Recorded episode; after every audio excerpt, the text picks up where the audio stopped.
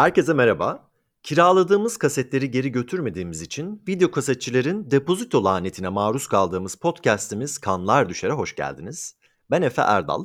Ben Kerem Biçmen. Bu bölümde farklı bir şey deneyelim dedik ve orijinal bir filmi remake ile kıyaslamaya karar verdik. Bunun için de aslen bir kitap uyarlaması olan Yönetmenliğini Hideo Nakata'nın yaptığı 1998 tarihli Japon korku filmi Ringu ve onun 2002'de vizyona giren Gore Verbinski imzalı Amerikan yeniden çevrimi The Ring'de karar kıldık. Evet Kerem, nasıl tanıştın bu filmlerle? Ee, ben ilk olarak remake'i izledim, The Ring'i izledim. 2002 yılında gösterime girdiğinde sinemada izlemiştim. Hatta o zaman çok beğenip yani birkaç kez izlediğimi hatırlıyorum arkadaşlarımla e, sinemada. Onu izledikten sonra da aslında böyle bir, bir yıl sonra falan Ringu'yu izlemeye teşebbüs edip yarım bırakmıştım izleyemeyip ve aslında sevmeyip. Ee, şimdi de işte bu podcast için ikisini de baştan izledim. Ben de filmi ilk vizyona girdiği zaman sinemada izlemiştim. Tek başıma gitmiştim ve çok korkmuştum. Hatta montuma sarıldığımı hatırlıyorum korkudan. O kadar korkmuştum. Daha sonrasında da yıllar içinde arkadaşlarımla konuştuğumda o dönem sinemada izleyen herkesin bayağı korktuğunu öğrendiğimi hatırlıyorum. O dönemde de bunun bir orijinali varmış falan diye fark edip işte DivX zamanı hem bunun hem de işte bu diğer Japon korku filmlerinden oluşan böyle serileri izlediğimi hatırlıyorum. Yıllardan sonra da en son işte bu podcast için geçenlerde izledim ikisini de. Peki sen hangisini daha çok seviyorsun? Ring'i mi Ringu'yu mu? Ya ben Ring'i daha çok seviyorum. Yani remake'i daha çok seviyorum. Biliyorum çok aslında bu belki popüler bir cevap değil ama çünkü birçok bakımdan aslında diğer filmden daha iyi olduğunu düşünüyorum remake'inin. Bunun zaten sebeplerini işte ilerleyince belki konuşuruz. Ben Ringo'yu daha çok seviyorum. ama bir şey söyleyeceğim. Yakın zamana kadar tam tersini düşünüyorum. Yani şu geçenlerde izlediğim zamana kadar orijinalinden çok daha iyi remake'ler dendiğinde benim aklıma gelen ilk film mesela The Ring olurdu. Ama şimdi dönüp baktığımda Ring'in biraz böyle eskimiş, etkisini kaybetmiş bir film olduğunu düşünüyorum ama Ringu hala bence orijinalliğini koruyor. O zaman Ringu ve Ring'i kapıştıracaksak biz de mi kapışıyoruz şu an Kerem? Kerem vs. Mi olduk yani? Hadi bakalım. Aynen. Öyle olacak gibi. Kazanan kaybedeni kuyuya atacak. Yani tabii Ringo'yla The Ring'i karşılaştırırken bir de aslında göz ardı etmememiz gereken bir şey var. O da aslında benim The Ring'i yani Ringo'nun remake'ini daha önce izlemiş olmam. Hani dolayısıyla işte ben sinemaya gidiyorum ve böyle çok severek bir filmi izliyorum. Görsel açıdan çok güçlü bir film. İşte hemen ardından da onun böyle aslında daha mütevazı versiyonu olan bir Japon filmi izliyorum. Hani bu noktada aslında birazcık şey e, bu bizi dezavantajlı konuma sokuyor bence. Yani ben The Ring'i aslında zaten çok sevmiş biri olarak Ringo'yu izledim. Bu da bence böyle bir fark yaratıyor. O dönem için aynısını ben de söyleyebileceğim. Ben de Ring'in dedim ya yıllar boyu gerçekten daha güçlü bir remake olduğunu düşünüyordum. Yani daha güçlü bir film olduğunu düşünüyordum orijinalinden. Yıllar geçtikten sonra şimdi bir dönüp baktığımda Ringu'nun sadeliğinin The Ring'in o atmosfer yaratma çabasından daha etkileyici olduğunu söyleyebilirim. Ama o dönemde bana çok şey gelmişti. Yani Ring'in basit bir versiyonu gibi gelmişti e, Ringu. Evet. Hani Ringu görsel olarak daha sade bir film. Tabii The Ring çok daha büyük bir prodüksiyon, çok daha parlak. Ama şey bir yandan hikayelerini kıyaslayınca da aslında Ringu'nun hikayesi daha karışık. Çünkü aslında The Ring olay örgüsü aynı ilerlemesine rağmen mesela The Ring'de Ringu'da olan birçok böyle yan hikaye yok. Aslında basitleştirilmiş ve sadeleştirilmiş e, hikaye bakımından bir filmden bahsediyoruz. Ama bunun yanında işte atmosfer olarak daha böyle iddialı bence Ringu'ya göre e, ve daha başarılı bir film olduğunu düşünüyorum. Bir de çok iyi çekilmiş bir film bence The Ring. E, yani yönetmen de orada bence çok başarılı. Yani The Ring'i kesinlikle daha başarılı buluyorum her anlamda. Ya The Ring için daha sade dedin ya mesela ben daha sade olduğunu düşünmem onun daha fazla açıklama yapmış bir film olduğu için öyle geliyor olabilir diye düşünebilirim. Hı hı.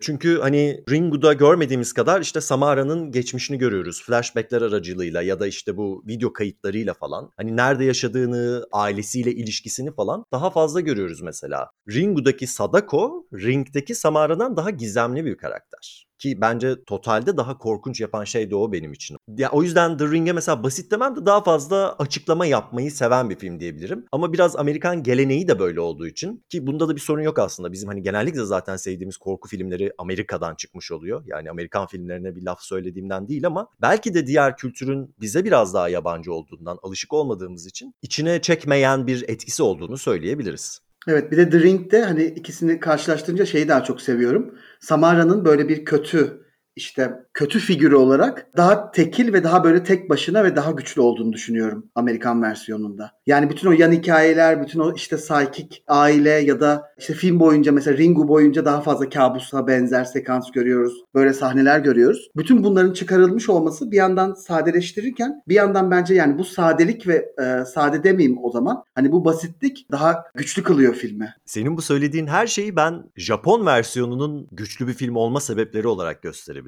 Yani ben Amerikan versiyonunun iyi bir çekilmiş film olduğunu hala düşünüyorum. Kötü bir film diyemem ama eski etkisini kaybetmiş ortalama bir film olarak bakabilirim ona. E, Ringu'nun mesela sinematografisi bana çok daha yalın ama çok daha özel geliyor. Ring biraz daha mesela ben o atmosferini çok severdim Amerikan versiyonunun. Çok kasvetli gelirdi ama şimdi dönüp baktığımda Aa, yeşil filtre atmışlar diyorum mesela. Yani diğerinin atmosferi sanki o hani çekildiği mekanların etkisinden de geliyormuş gibi. Hani onun içindeki o sadelik ama aynı zamanda tasarlandığı çok belli olan planlardan, sahnelerden geliyormuş gibi geliyor bana.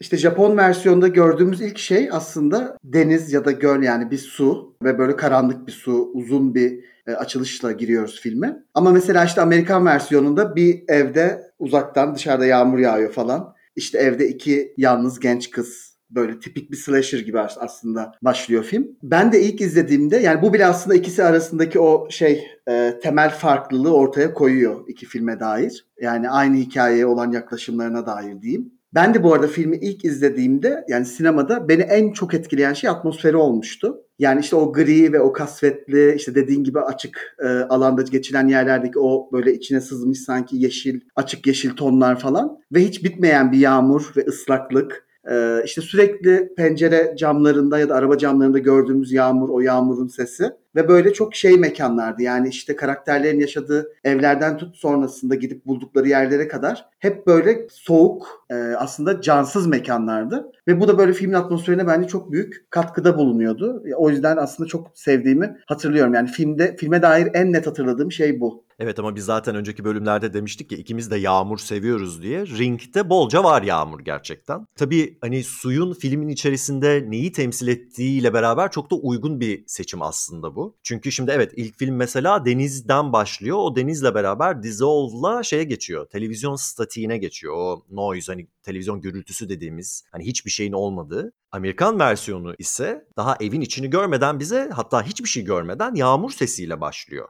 Burada da yağmur sesinin mesela statik sesine, o white noise'a ne kadar çok benzediğini de şey yapabiliriz, konuşabiliriz. Daha film en başından suyla bu statiği kodluyor yani eş tutuyor bunları. Samara'nın zaten bir kuyunun içerisine düşmüş ve lanetini oradan yayan bir karakter olduğunu göz önünde bulundurursak bu tercih çok mantıksız değil. Yani iki filmde bir şekilde suyu daha filmin en başında daha ilk gördüğümüz sahnelerden lanetin kendisiyle ve televizyon statiğiyle bir tutuyor. Evet bir de yani aslında ikisini karşılaştırdığımızda e, Ringu yani Japon versiyon gerçekten aslında o lanetin kendisiyle daha çok ilgileniyor gibi bir film olarak. Ama The Ring sanki daha çok yani Samara'nın hikayesi değil de işte onun lanetiyle başa çıkmaya çalışan karakterlerin ve işte teknolojiye duyulan korku falan gibi böyle bambaşka konulara daha fazla yoğunlaşıyor gibi. Ama bir yandan da birazcık şey bir mukayese bu. Aslında haksız bir mukayese oluyor. Çünkü işte tam da böyle teknolojiye duyulan korkularla falan alakalı e, bir filmden bahsederken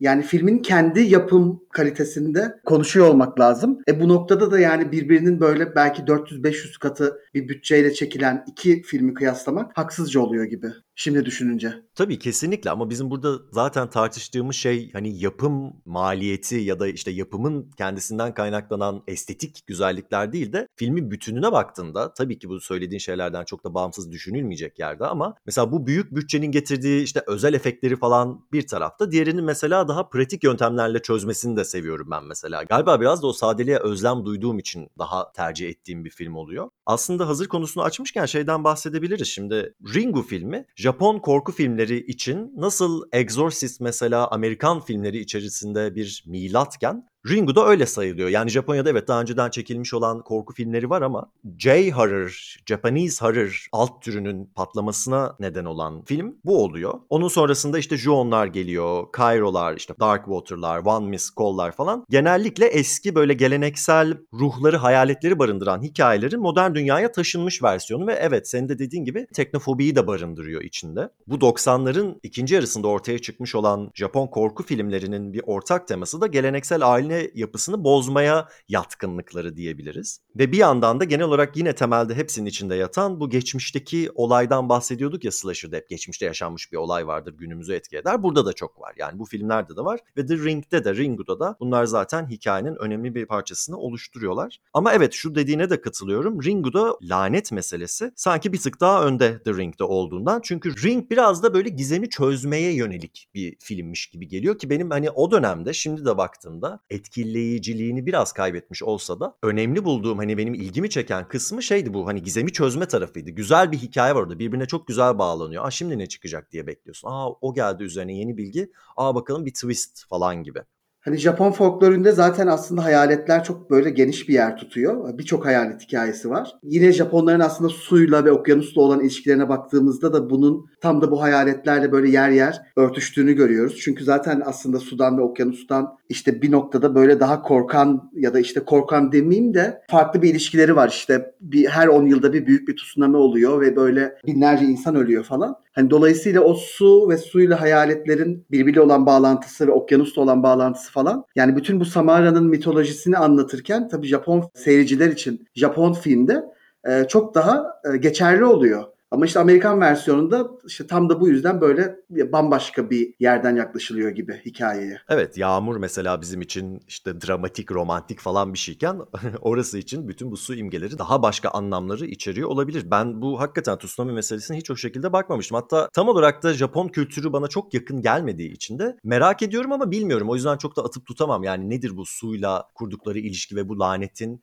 ki diğer filmlerde de var olan yani mesela Dark Water filmi de isminde zaten suyu barındırdığı için hani nedir bu suyla ne bu kötü ruhu eş tutma hali bilmiyorum ama hakikaten bu şekilde düşününce de epey mantıklı geldi. Evet yani bu arada hayalet her zaman için kötü ve korkunç bir şey değil Japon kültüründe. Aslında benim de çok derin bir bilgim yok ama çok yakın zamanda bir belgesel izledim. Onda işte bu son tsunami faciasından sonra o faciadan etkilenen kentlerde ki insanların böyle deneyimlerinden bahsediliyor ve işte taksi şoförleri sürekli üzeri tamamen sırılsıklam insanları alıyor bir yerden bir yere götürmek için gece vakitlerinde. Ama işte dura şeye geldiklerinde o noktaya orada şey arkada kimsenin oturmadığını falan görüyorlar. Böyle koltuklar ıslak falan buluyorlar ve bunlar gerçek hikaye. Yani bunu gerçekten yaşayanlar böyle anlatıyorlar. Hangi belgesel bu ya? Ee, Netflix'te bir belgesel e, ama adını hiç hatırlamıyorum. Bir tane belgesel dizisinin tek bir bölümüydü. Bu ha şey galiba anladım. Unexplained Mysteries galiba. Unsolved Mysteries evet Unsolved evet. Unsolved Mysteries evet. Solved. Aynen. Onun bir bölümüydü ve böyle bayağı ilginç gelmişti bana. Hiç korkmuyorlar mesela. Bu onlar için korkunç bir şey değil. Ve tam da onu izlerken de hep böyle aklıma aslında Ringu gelmişti bir noktada.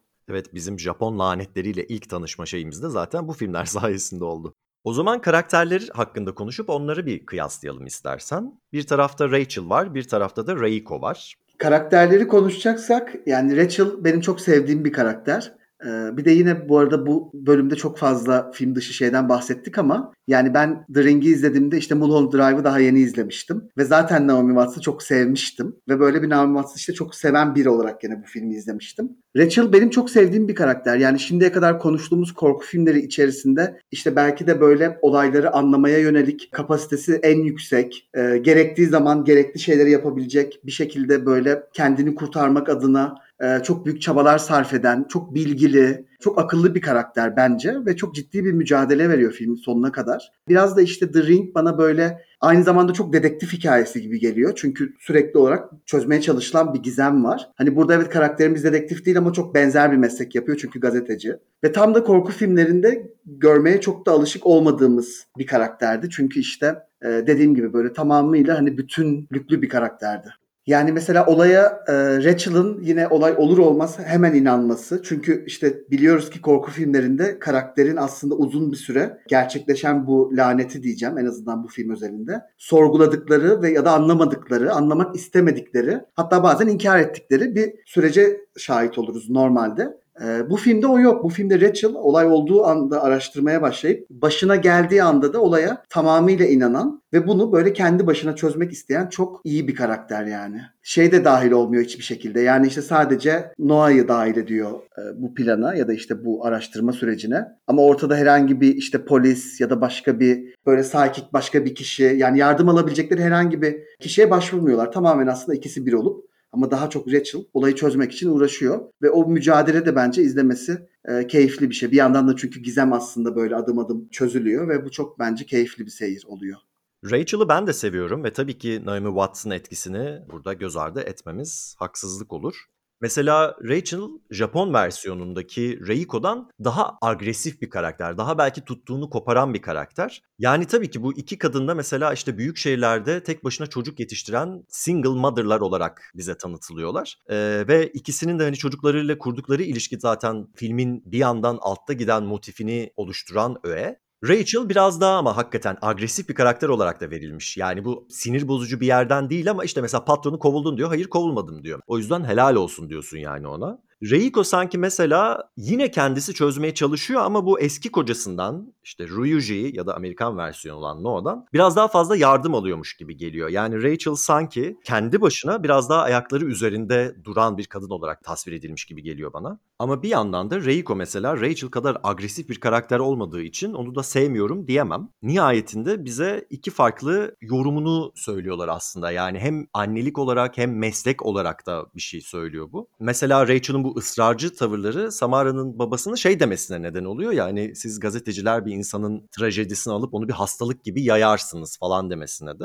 Yani iki farklı yorum görüyoruz burada. Hem anne olarak hem gazeteci olarak. Rachel'ı her ne kadar tercih etmekle beraber Reiko'nun da mesela çok pasif böyle altta kalan en azından bir karakter olduğunu söyleyemeyeceğim. Noah ve onun karşılığı olarak Ryuji hakkında ne düşünüyorsun?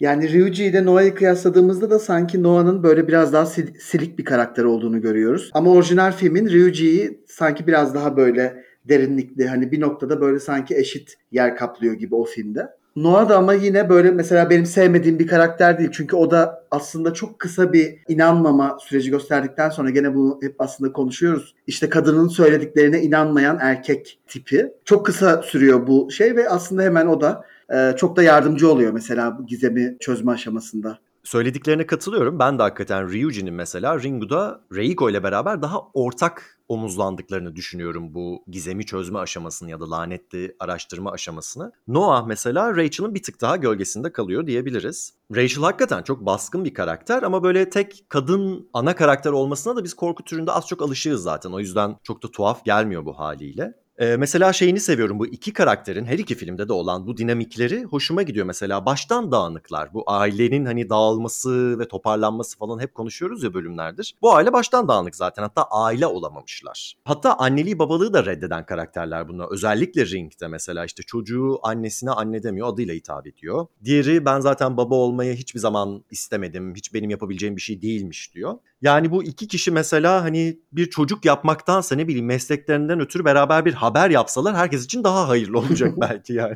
Bu konuda çok daha iyi olduklarını gösteriyorlar zaten film boyunca. Ama Noah da mesela benim şey sevdiğim bir karakter. Hani o da işte çocuğu bırakmış gitmiş aman işte kötü baba erkek falan dedirtmiyor yani. Ama Rachel da her ne kadar film içerisinde bize ilgisiz anne gibi kodlansa da hani soğuk anne, küfürbaz anne falan hiçbir zaman e, mesela itici gelmiyor bana. Evet kesinlikle katılıyorum bu söylediğine. Bir de orijinal filmle Amerikan versiyonu arasındaki fark işte erkek karakter hakkında şey. Orijinal filmde akademisyen e, bir karakter ama şeyde fotoğrafçı Amerikan versiyonunda. Yani fotoğrafçı olması da yani bu küçük değişiklikleri bence büyük katkılar yapmış filme. Çünkü işte tam da insanları öldüren şey bir videoyken erkek karakterin fotoğrafçı olması bence orada e, çok daha fazla şey katıyor filme. Evet kesinlikle öyle. Bir de diğer tarafta mesela akademisyen olması da hani bir takım şeyleri aşması gerekiyor ya adam inanması için. Yani bir yerde daha entelektüel olarak inanması gerekiyor. Burada mesela daha fiziksel kanıtlarla inanması gerekiyor. Hani bu videonun işte ilk başta yaptığı yorum bir uyduruk bir öğrenci filmi gibi diyor mesela. Yani daha teknik ayrıntılarıyla da ilgileniyor Noah versiyonu bu karakterin. Küçük farklılıklar, küçük detaylar ama anlamlarında büyük değişikliklere neden olabiliyor tabii ki.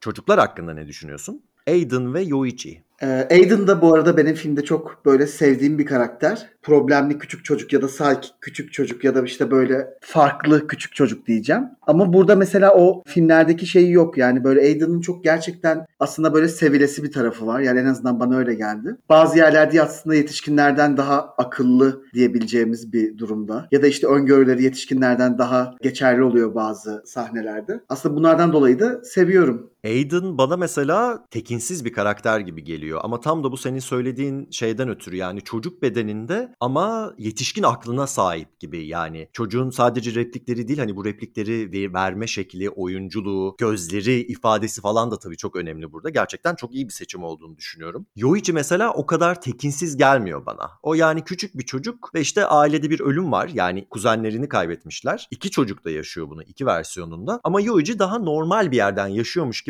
Aiden hakikaten daha derin bir yerde yetişkinlerin bile bilmediği bir bilgiye ya da bir öngörüye, bir içgörüye sahipmiş gibi geliyor bana. Hani bu filmlerdeki creepy küçük çocuk gibi de aslında yani. O yüzden ay ne kadar tatlı yanağını sıkalım falan diyemiyorsun ona. Ama bu biraz şey gibi sanki hani Samara'yı da aynalıyormuş gibi. Yani o da ailesi tarafından ihmal edilmiş, yalnız bırakılmış bir çocuk ya. Yoichi ise daha şey çocuk yani onun gidip yanağını sıkarsın mesela. Tatlı çocuk dersin ona yani. O zaman gelelim filmin gerçekten şeytani olan çocuklarına. bir tarafta Samara, bir tarafta Sadako. İkisi de birbirinden psycho.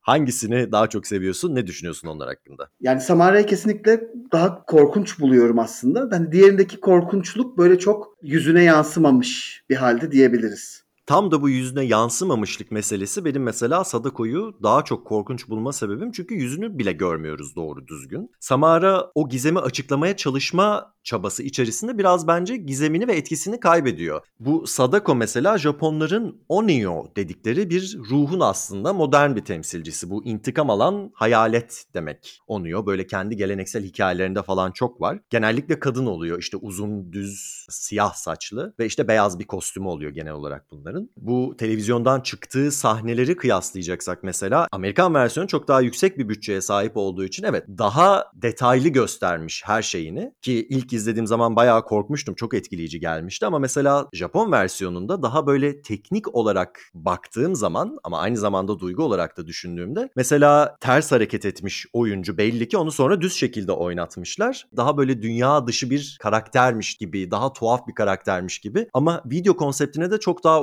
uygunmuş. Böyle geri sarmak, ileri sarmak hani hareketlerin tersine gittiğinde nasıl tuhaflaşmasını falan gösterdiği için de aslında bütün bu konsepte daha uygun buluyorum. Yani bu arada Samara karakteri hakkında aslında Sadako için de geçerli bu. Sevdiğim şey de bir yandan işte filmin o sonuna doğru olan çözülme noktasında. Yani işte tam da o şimdiye kadar izlediğimiz yani o zamana kadar izlediğimiz böyle kötü ruhlu ya da işte sana musallat olan hayaletli falan filmlerde ki hikaye genelde şeydir ya o bir orada rahatsızdır. Hani ölmüştür ama ölememiştir. Hala bir derdi olduğu için de aslında e, bir şekilde geri dönmeye ve işte insanlara bunları yapmaya devam eder. Ve sonra işte onun böyle bir çözülme noktasını görürüz. Herkes artık yoluna gider yani hayaletler de karakterler de. Bunda olmuyor. Yani bunda tam da şeyi görüyoruz. Hani kuyu sahnesinin aslında bir sona işaret etmediğini yani Samara'nın ya da Sadako'nun aslında tamamen kötü olduğunu yani kötülüğün böyle bir temsili olduğunu görüyoruz. Bunu mesela yani bu sondaki umutsuz mesajı iki filmde de çok seviyorum. İkisi de ailenin birleşmesine de izin vermiyor. Yani bu naif ideallerle çözülecek bir durum değil deniyor bize burada. Hani mesela film boyunca Rachel anneliği öğreniyor mesela Samara üzerinden. Oğlu şey diyor deli misin diyor neden çıkardınız orada diyor mesela. Yani hani o ruhu oradan çıkardık huzura kavuştu. Sonra hadi biz de kendi ailemiz artık bir araya gelebilir gibi bir şey mümkün değil diyor. O yüzden hani bu ruh karakterleri, hayalet karakterleri ikisinde de kötü. Kendi içinde bulundukları kötü durumları başka ailelere de yaşatmaya ant içmişler resmen. Yani bunu hatta bir adım öteye götürüyor diyebiliriz. Çünkü tam da aile olduklarında işte erkek karakterin öldüğünü görüyoruz. Bu arada Samara'ya dair aslında kişisel bir hikayem de var benim onu da anlatacağım. Samara'yı canlandıran oyuncu David Chase 2017 yılının Şubat ayında benim çok yakın bir arkadaşımın aslında ölümünden sorumlu olmuştu. Nasıl ya? Ee, Rick diye çok yakın bir arkadaşım vardı. Bir dönem ev arkadaşı da yaptığımız Los Angeles'ta. Ee, yine orada işte ev arkadaşı olduğum Alper'in ve çok eski arkadaşım. Böyle 6 yıllık falan ev arkadaşıydı ve ben de her Los Angeles'a gittiğimde aslında onlarla böyle 3 ay 5 ay hep birlikte kalmıştım. Yani o David Chase de bir akşam geçiriyor Samara'yı canlandıran kişiyle. E, ardından işte Davey onu hastanenin önünde bırakıp Ricky gidiyor bir hastanenin önünde. Ama işte biz olayı evde birlikte oldukları kişilerden falan da dinliyoruz ve herkes şey diyor. Hani Rick böyle nefes almakta zorlanıyordu sonra odaya geçtiler birlikte. E, ve sonra işte tekrardan görmedik diyor kimse. Gece yani sabahın böyle erken saatlerinde hastaneye götürüyor. Sonra da kayıplara karışıyor hatta. İşte ben Alper'den böyle bir haber alıyorum. Rick'e ulaşamıyorum falan diye. Sonradan da böyle bir olay oldu ortaya çıkıyor. Onda yargılandı ama herhangi bir ceza almadı. İşte ihmalle yargılandı. Hastaneye işte geç götürdüğü için falan. Aa ne kadar korkunç bir hikayeymiş gerçekten. Evet. Bir yandan da True Crime podcast'i gibi olduk şimdi. Hani bazı filmler vardır ya filmin laneti daha sonrasında gerçek hayatı da etkiler. Mesela Poltergeist serisinde olduğu gibi. Biraz böyle bir şey olmuş. Bunları söyledikten sonra da filme dair bir şey söyleyesi gelmiyor insanın bir yandan. Gerçek hayat trajedisi oldu yani. Filme dönecek olursak Samara ile Sadako'yu öldüren kişi de fark ediyor mesela filmden filme. Bir tanesinde annesi öldürüyor, bir tanesinde babası öldürüyor. Amerikan versiyonunda annesini öldürüyor olmasını ben şeye bağlıyorum. Yani nasıl Samara Aiden'ı aynalıyorduysa burada da Samara'nın annesi Rachel'ı aynalıyor biraz. Yani hani çocuğu ihmal etmek, daha sonrasında onu öldürmeye kadar giden bir yol bu. Ve işte anneliklerin de birbiriyle kıyaslanması gibi. Yani bütün bu sürecin sonunda o küçük kızın cesedini bularak zaten Rachel kendi oğluna ne yaptığını ya da ne yapmadığını yani nasıl yanında olmadığını fark ediyor. Kaldı ki Aiden da neredeyse öldürecek olan şey de aslında gene Rachel'ın ihmalkarlığı oluyor. İşte o videoyu orada bırakarak kaseti. Tabii yani bu laneti konuşurken yine It Follows'dan yola çıkarak şunu diyebiliriz. Bu lanet aynı zamanda bize dünya üzerinde ne kadar az zamanı, ne kadar kısıtlı zamanımız kaldığını falan söylüyor ya. Hani bu dünyaya birini getirmek ölüm lanetine bulaştırmaktır aslında. O yüzden bu konsept genelinde bakıldığında da bana anlamsız gelmiyor bu süreç. Bu arada It Follows'da tabii temel mantığı bakımından filmin de çok örtüşüyor. Çünkü her ikisinde de lanetten kurtulmanın yolu onu başka birine geçirmek ya da onu yaymak işte. Ama mesela It Follows'da sıranı savamıyorsun. Burada mesela başkasına izlettiğin zaman lanet senin üzerinden kalkıyor. Orası güzel. Peki o zaman kasetleri konuşalım. Lanetten bahsediyorken hangisini daha korkunç buluyorsun?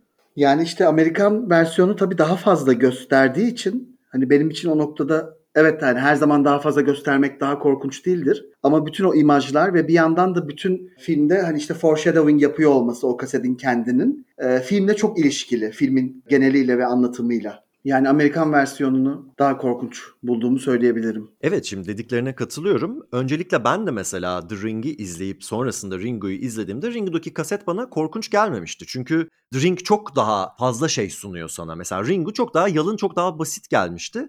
Ama şimdiki halimle hakikaten zaten başından beri söylediğim gibi bu daha bana creepy geliyor. Yani sanki Ringo'daki kaset birinin kabusuymuş gibi gelirken The Ring mesela bir video art projesi gibi. Yani bunu bir hakikaten bir Biennale'de bir sanat galerisinde falan görebilmemiz çok mümkün bir videoymuş gibi geliyor bana. Ve şu söylediğin de doğru. Videodaki elementler filmde karşımıza çıkıyor. İşte merdiven, at, kırk ayak, ve sanki böyle her biri bir şeyi temsil ediyormuş gibi. Yani hem her biri bir sembolmüş gibi de aslında yani. Ve bu gizem çözmeyi seviyorsanız gerçekten bu versiyonu daha iyi tabii ki. Yani uzun uzun konuşulabilir üzerine. Ama dedik ya zaten bu gizem çözme, araştırma konsepti bu filmde zaten daha iyi Amerikan versiyonunda. Ve bütün bu araştırma konseptinin sonucunda da gerçekten The Ring'deki video biraz daha hakikaten üzerine düşünülesi, konuşulası. Hatta filmin içerisinde de teknolojinin diğer imkanlarından da yararlanarak çözdükleri bir hal ya o. Hani işte şey yapıyorlar bu videonun pen scan özelliğini kullanıp işte sağa sola kaydırıyorlar filmi. İşte başka bir şey buluyorlar orada. Mesela Ringo'daki halinde yazı var. Direkt bize mesela işte patlama ya da işte Sadako'nun ismine dair ipuçları veriyor. Burada mesela hakikaten o teknolojiyi de kullanmak zorunda kalıyorlar. E madem laf buraya geldi o zaman hakikaten teknofobi meselesini de masaya yatıralım. Şimdi film hakikaten teknolojinin her bir öğesini korkunç hale getiriyor. İşte bu video kaseti olsun, televizyon olsun, daha sonrasında telefon, daha sonrasındaki fotoğraf makinesi falan. Yani tek bir yerden çıkan lanet bütün aslında teknolojik aygıtlar üzerinden yayılıyor ve korkunç bir hal alıyor. Evet burada hatta teknoloji şey silah olarak kullanılıyor bile diyebiliriz. Ee, bir noktada çünkü işte katil aslında TV'nin içinden çıkıyor. Bu arada şeyi de söylemek lazım. Televizyon hani sadece Samara'nın içinden çıkarak insanları öldürdüğü bir şey değil. İşte tam da o kuyu sahnesinde de aslında böyle yukarıdan kopup gelerek Rachel'ı kuyunun içine e, düşüren şey oluyor aynı zamanda. Zaten filmde duyduğumuz ilk line I hate television oluyor hani televizyondan nefret ediyorum diyen bir karakterle biz filme başlıyoruz. E, ve sonra yine zaten o açılış sekansında işte o bir 7-8 dakikalık ilk kısımda işte telefondan buzdolabına, televizyona kadar bütün teknolojik aletlerin böyle birer korku öğesi gibi yani işte buzdolabı sahnesindeki mesela kamera açıları ve işte buzdolabı kapağının aslında böyle görüntümüzü bizim engelliyor olması falan. E telefon çalıyor zaten telefon Samara'nın kullandığı araçlardan bir tanesi yine cinayetlerini işlerken. Televizyon zaten televizyonun bizzat içinden çıkıyor.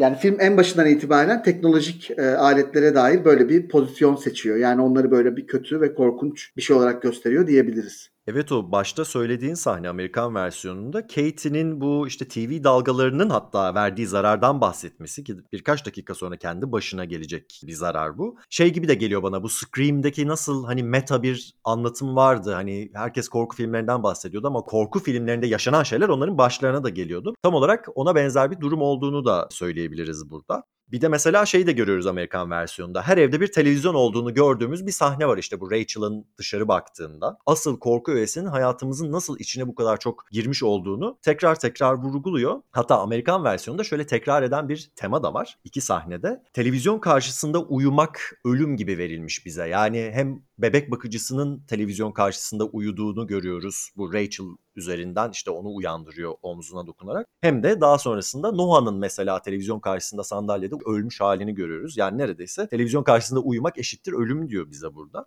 Bir yandan da televizyona dair bir eleştiri getirirken bunu mesela şuradan da yapıyor. Rachel yeğeninin odasına girdiğinde Katie'nin mesela dergilerdeki yüzlerin karalanmış olduğunu görüyor. Ve iki filmde de var olan bir şey zaten ortak tema fotoğraflardaki imajları da bozuk bunların. Yani sanki bir benlik imgesinde bozulma var gibi. Yani şöyle de diyebiliriz. Televizyondan alınan mesaj beden algısını da bozuyor. Hatta o kızların da filmin başında izlediği şeyin bir güzellik reklamı olduğunu da göz önünde tutalım tabii bütün bunları söylerken. Televizyonda o varken kapatıyorlar televizyonu. Mesela Ringo'da bir beyzbol maçıyla açılıyor. Ki beyzbolda aslında Japonya için popüler olan bir spor. Yani yine yaygın bir şey. Ama işte televizyonda da ne gösterdiğini değiştirerek bize bir şey söylüyormuş gibi geliyor film. Evet bu arada açılış sekansında Scream'le olan hani benzerlik sadece meta anlatı olması bakımından değil aynı zamanda e, o şey Scream'de de hep olan işte gerçek şaka gerçek arasındaki o böyle gidiş gelişler de gene bunda da e, yapılıyor.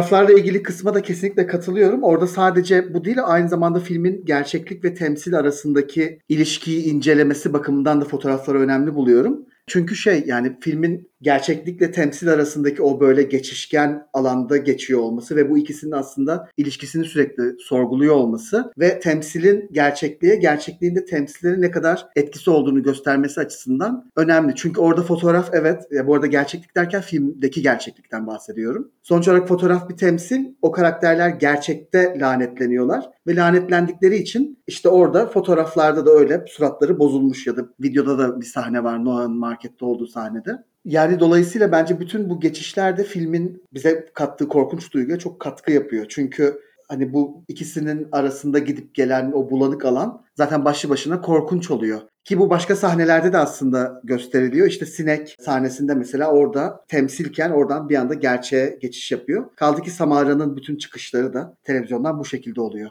Evet zaten o Samara'nın bütün çıkışlarına şey diyebiliriz yani hani daha önceki bölümlerde de bahsettiğimiz Return of the Repressed gibi bir durum da var orada yani. Hani sen bastırmaya çalıştığın şey geri dönüp bir şekilde seni buluyor ve hakikaten o sınır aşımıyla da mümkün oluyor. Yani e, mediumlar arası, gerçeklikler arası, boyutlar arasını aşacak kadar bir geri dönüş şeyi var. Yayılma isteği var. Yani zaten Samara'nın genel isteği bu. Yayılmak istiyor. Lanet o şekilde üzerinden atabiliyorsun ya. Hani Return of the Repressed o anlamda da önemli. Yani sadece sana geri dönmüyor. Sen kendi kendinden atmak istiyorsan başkasına izleteceksin diyor. Yani Sadako'da, Samara'da fenomen olmak istiyor diyebilirler günümüzün terminolojisiyle ifade etmek gerekirse. Yani şimdiki dönemde bakıyorum çıktığında mesela TikToker olsa çok daha işi kolay olacak gerçekten. Bütün dünyayı bir gün içerisinde ele geçirebilir tamamen.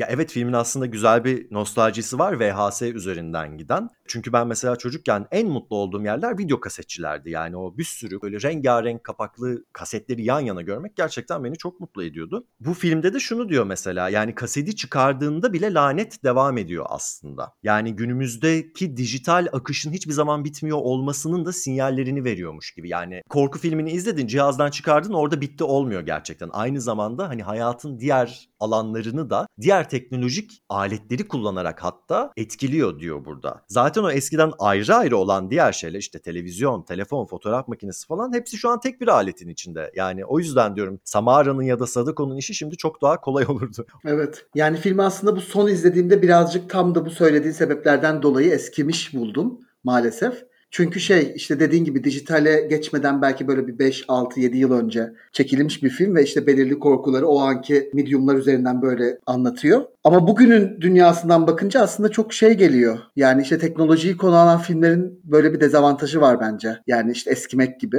Ve hani bazen eskimiş şeyler de güzel oluyor ama bu nostaljik tat alabileceğim kadar eski değil Ama bugün ayak uyduracak kadar da yeni değil filmdeki korkular. Dolayısıyla öyle tam böyle bir arada kalmış bir film gibi de geldi son izlediğimde. Anladım dediğini ben mesela bu söylediğini tam olarak The Ring için, Amerikan versiyonu için söylüyorum. Yani hakikaten bir dönem beni çok etkilemiş. Ama şimdi baktığımda kötü değil ama o dönem hatırladığım kadar da iyi değil ortalama bir film. Ama mesela Ringu bana hala yabancı olan bir kültürün içinden, Japon kültürün içinden çıkmış olması nedeniyle tuhaf geliyor olabilir. Yani teknoloji evet biraz daha farklılaştı yani bayağı farklılaştı. Ama hikaye anlatma biçimi bana hala mesela onun bir nostaljisi varmış gibi geldi. Ringu'dan bahsediyorum. Yani yine Amerikan versiyondan bahsederken Ring'in şeyden de bahsedebiliriz. Bence çok hırslı bir film. İnce ince düşünülmüş falan ve çok böyle iyi bir şekilde e, yapılmış bir film. E, her şey var filmde. Hani böyle korkuya dair diyebileceğimiz küçük küçük e, öğelerin hepsinin bir araya geldiğini görüyoruz. Ama bunun dışında filmde çok fazla böyle birebir gönderme de var. E, özellikle Hitchcock filmlerine. İşte o Rachel'ın arka balkonda e, komşuları izlediği sahne mesela Rear Window'a. Yine Rachel duştayken Psycho'daki duş sahnesine. Yine Noah'yı ölü olarak bulduğunda işte Psycho'daki tam olarak aynı böyle o dönen sandalyede gördüğümüz sahne. Merdivenlerden çıktığı sahnede Vertigo filmine falan gibi. Böyle bayağı bir Hitchcock e, hayranlığı aslında filmden anlaşılıyor yani. Evet her ne kadar Hitchcock bildiğimiz anlamda korku filmi yönetmeni olmasa da genellikle bu türün öncülerinden işte babalarından sayıldığı için de dönüp dolaşıp nihayetinde göz kırpmalar, referans vermeler falan birçok filmde oluyor.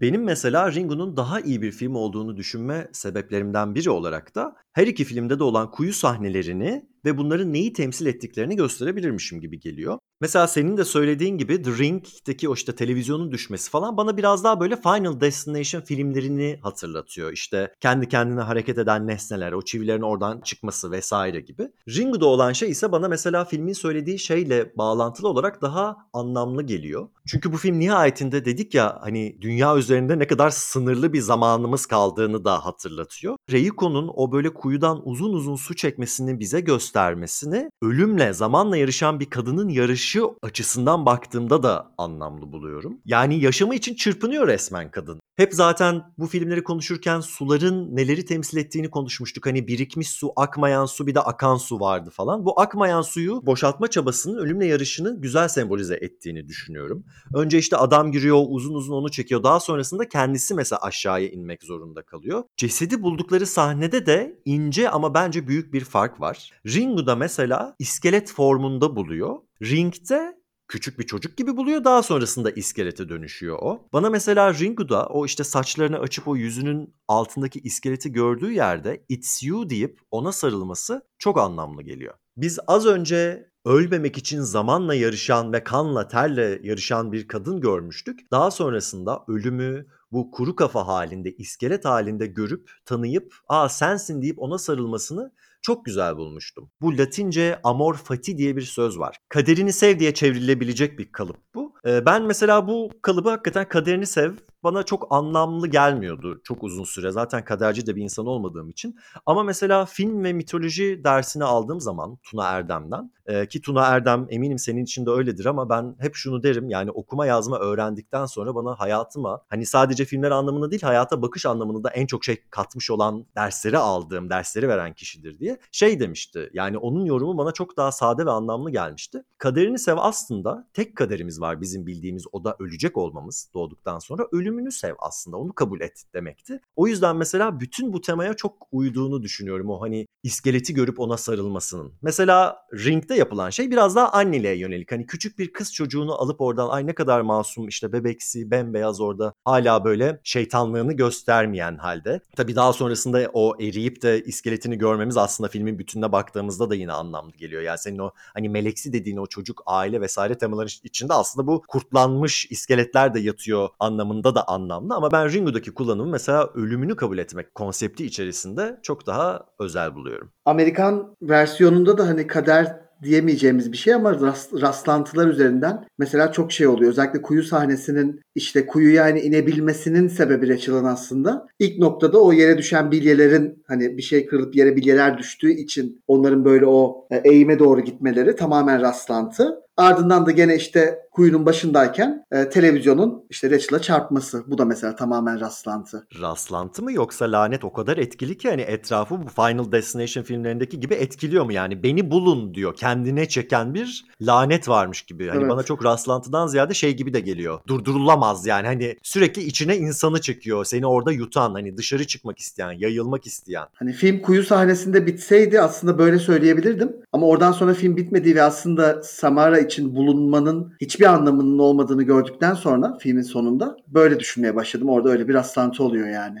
Ben filmi bu şekilde bitirmiyor olmasını gerçekten çok seviyorum. Yani başka tür bir korku filmi gerçekten orada biterdi. Ruh özgürlüğüne kavuştu. Aman biz mutlu olduk, mutlu son falan gibi. Ama meselenin onun da çok ötesinde olduğunu söylemesini gerçekten çok seviyorum. Yani her iki versiyonunda da öyle. Bu arada az önce şey dedin ya Efe hani karakterlerin zamanla yarıştığı bir durumdayız aslında. Bu noktada ikisinin gazeteci olması da bence çok mantıklı. Çünkü gazetecilik de işte yine zamanla yarıştığın ve böyle en iyi haberi en kısa zamanda vermek için çaba gösterdiğin bir meslek. Gazetecilik işte hem bu zamanla yarışma meselesinde anlamlı ama aynı zamanda hani o Samara'nın babasının da dediği gibi bir lanet yayıyorsunuz sözüne de denk düşüyor. Yani çünkü etik gazetecilik var bir de saçma sapan spekülatif gazetecilik diye bir şey de var ya. Çünkü hakikaten bu fake haberler falan da birdenbire hiç önlenemeyecek olaylara neden olabilecek hale geldi günümüzde. Hani nasıl viral video zaten hani yayılmayı içinde barındıran virüs, viral sözcüğünü barındırıyorsa aynı zamanda bu fake haberler de o yayılma hızıyla beraber e, yine başka türlü bir laneti başımıza getirebiliyor. Genel olarak dünyada Aynen. gördüğümüz bu yani.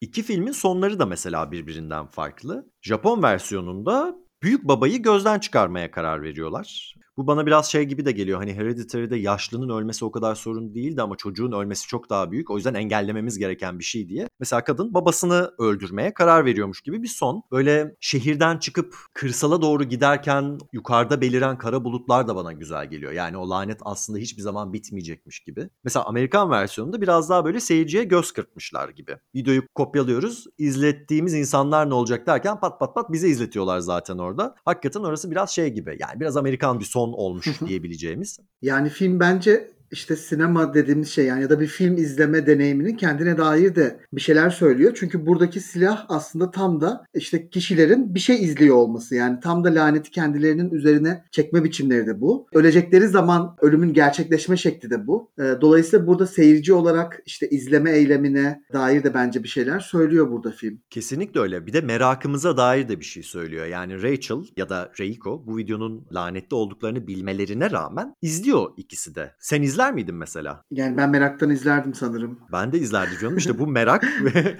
böyle bir lanetin bir yandan da gerçekliğine inanmamanın da getirdiği bir rahatlıkla. Ki o tip çok viral şey izledik yani internette. Aa hayalet çıkmış arkada falan gibi. O yüzden hani seyirci olarak ya da insan olarak merakımıza dair de bir şey söylüyor tabii ki. Yani ben lanetin gerçekliğine inanırdım ve inanıp izlerdim. Bu sanırım beni en, en şey aptal karakter yapıyor.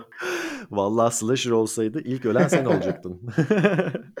yani nihayetinde başımıza ne geliyorsa merakımızdan geliyor. Yani filmin söylediği de bu. Sana sorduğumda aldığım cevapta kendi cevabımda da anladığım şey bu. Bizim bu filmlere dair söyleyeceğimiz şeyler bu kadar. Ya belli ki başladığımız fikirleri hala devam ediyoruz. Kerem sen hala Amerikan versiyonu daha iyi buluyorsun. Evet. Ben de Japon versiyonunu daha iyi buluyorum ama zaten birbirimizi ikna etmeye çalışmıyorduk.